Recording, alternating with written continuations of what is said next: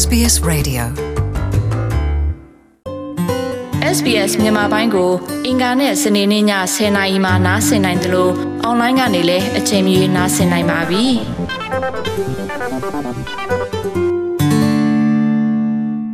တော်ရရှိမြခင်ဗျာ။ Labor Party ကမေလ18ရက်ရွေးကောက်ပွဲမတိုင်မီ၎င်းရဲ့မိဘများကိုစပွန်ဆာလုပ်တဲ့ဝါဒကို ထုတ်ပြန်ကြေညာလိုက်ပါတယ်။ Labor ကသူတို့သာအစိုးရဖြစ်လာရင်ဗီဇာအတွက်ပေးရမယ့်အခကြေးငွေကိုရှော့ချမယ့်အပြင်ဒီနှစ်မှာဘလောက်ပဲလက်ခံမဲ့ဆိုတဲ့သတ်မှတ်ချက်ကိုဖယ်ရှားမယ်လို့ဆိုပါတယ်။ဒါက Margaret မဲဆန္ဒရှင်များရဲ့မဲကိုရဖို့အတွက်ပြင်းထန်စွာအဓိကပါတီကြီးနှစ်ခုလုံးကစီးရုံနေကြတာဖြစ်ပါတယ်။ Brisbane မြို့က Thai Migrant မေတဝန်အတွက်သုံးနှစ်ရွယ်သားငယ်ကိုတယောက်တည်းကြည့်ရှုထင်ရတာက မြည်သည့်ထောက်ပံ့မှုမှမရှိတဲ့အတွက်အလွန်အခက်အခဲတွေနဲ့ရင်ဆိုင်နေရတယ်လို့ဆိုပါတယ်။အခုနောက်ထပ်ကလေးတယောက်ကလည်းမကြာမီမွေးတော့မှမို့သူမိခင်လာရောက်အကူအညီပေးနိုင်ဖို့အတွက်တောင်းတနေပါတယ်။ even just on the weekend or on the school holiday that that would be great you know it's it's not it's not easy to be uh, living overseas without some backup some some support from from the family ရုံးပိတ်ရဲ့ဒါမှမဟုတ်ရင်ကျောင်းပိတ်ရဲ့ရှေးတွေမှာဆိုရင်တောင်ဒါကအရန်ကောင်းပါပါမိသားစုကနောက်ကနေကူညီတာထောက်ပံ့ပေးတာမရှိရင်နိုင်ငံခြားမှာအလွန်ခက်ခဲပါတယ်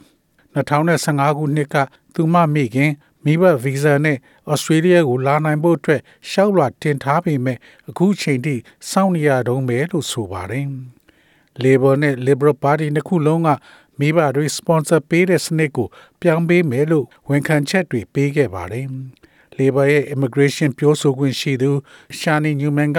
ဧပြီလ22ရက်နေ့ကကြေညာချက်မှာတော့ Labor အစိုးရအောက်မှာ visa ချေးကပုံမလို့ဈေးသက်သားမှဖြစ်ပြီးလက်ခံမဲ့အရေးအတွက်ကိုလည်းသတ်မှတ်ချက်ပြုလုပ်ထားမှာမဟုတ်ဘူးလို့ပြောဆိုပါတယ်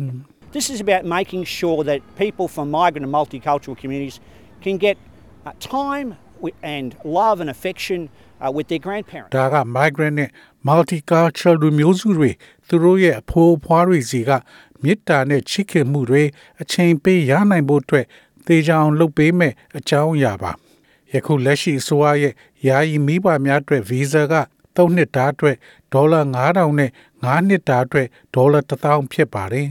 ဒါကတစ်ချိန်သားပြန်သက်တမ်းတိုးဝင်ရှိမှသာဖြစ်တဲ့အတွက်ဘာကိုဆိုလိုလဲဆိုရင်မိဘတွေယာယီဗီဇာနဲ့အချာဆုံးနေနိုင်မှာက10နှစ်သားဖြစ်ပြီးအဲ့ဒီထဲမှာနှစ်စဉ်လက်ခံမဲ့အရေးအတွက်ကိုလည်း15000မှာသတ်မှတ်ထားပါတယ်။တကယ်လို့သာရွေးကောက်ခံ Labor က ယာယီမိဘများအတွက်ဗီဇာခကျင်းငွေကို3နှစ်အတွက်1250နဲ့9နှစ်အတွက်2500ပဲပေးရမယ်လို့အာမခံချက်ပေးထားပါတယ်။ဒီဗီဇာကမိသားစုတွေအတွက်ပုံမမျှတမှုရှိမယ်လို့ဆိုပါတယ်။ဒါပေမဲ့ဒါအားလုံးကနိုင်ငံရေးဖြစ်ပြီးနောက်ပိုင်းစနီရက်ွက်လို့နေရာမျိုးတွေမှာမဲရရှိဖို့လှုပ်တာလို့တချို့ကဆိုကြပါတယ်။တချို့ကတိကျတဲ့အချက်ဖြစ်တဲ့ ပုဂ္ဂလိကချမ်းမာရေးအာမခံဝယ်ယူရမှာကဆက်လက်လို့ရှိနေမှာဖြစ်ပါတယ်။ဒါပေမဲ့ Labor ရဲ့ဝါဒကို Federation of Ethnic Community Council of Australia က Peter Dukas ကလက်ခံကြိုဆိုလိုက်ပါတယ်။ We think it's a basic human right uh, for people that are working and living amongst Australians or in some cases in, in some cases as Australians to be able to bring their parents Australian တွေကြားမှာနေထိုင်နေတဲ့လူတွေရဲ့အခြေခံလူအခွင့်အရေးလို့ကျွန်တော်ထင်မြင်ပါတယ်။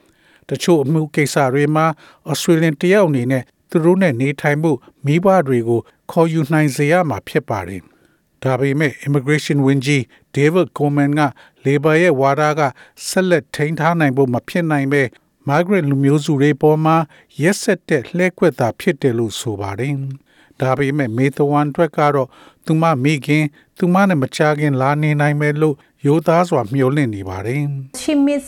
she miss so much on on the um on her grandchildren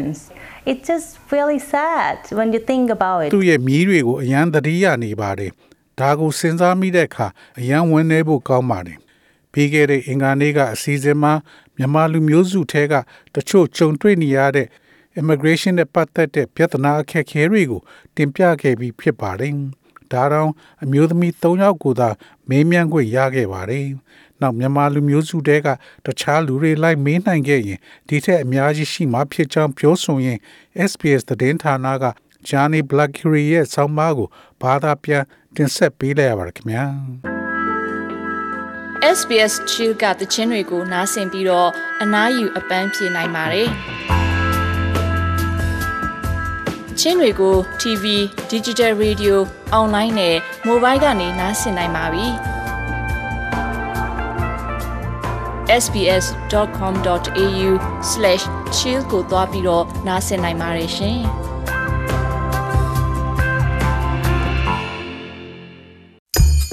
Tell us what you think. Like us on Facebook or follow us on Twitter.